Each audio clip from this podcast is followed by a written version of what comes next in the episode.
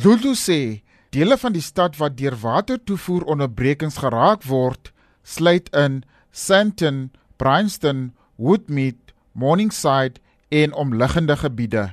I'm currently on site in Lindbrook Park where there is a major burst pipe on the main line that provides service to the areas of Alexander, Sandton, Morningside, Fourway, parts of Fourways and, uh, and Bryanston as well.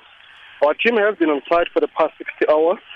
They have reached a pipe, which is a 160 millimeter pipe, about 40 meters down in the, in the belly of the earth. They have removed the concrete that was covering the pipe. We expect that they should be done with the welding around midday, 1 o'clock, 2 o'clock. And then we'll then flush the system. Once the system is flushed, we'll then uh, proceed to release the water slowly to build pressure on the reservoirs because the reservoirs that are supplying all the affected areas are currently empty. Hy erken dat van die gebiede al 'n geruime tyd probleme met watervoorsiening ondervind. The leakage was detected sometime over the weekend.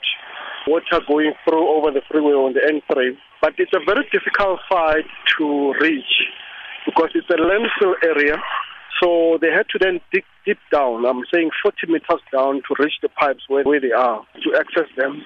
And they also had to then also make provision, because it was filled of water, they had to make sure that people's lives are not compromised. Immediately after the welding is done, they should be able to fill up the, the reservoirs first. Once the reservoirs have got enough capacity, then they'll open them to supply the residents. Was Isaac Dludlu, bemarking en kommunikasiebestuurder van die Johannesburg Metro. Ek is Malikole Gwatyu vir SAK nuus.